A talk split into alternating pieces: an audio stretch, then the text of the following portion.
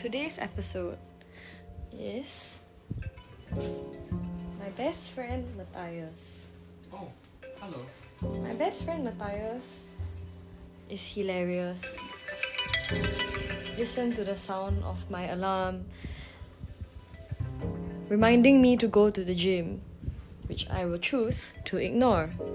Stop.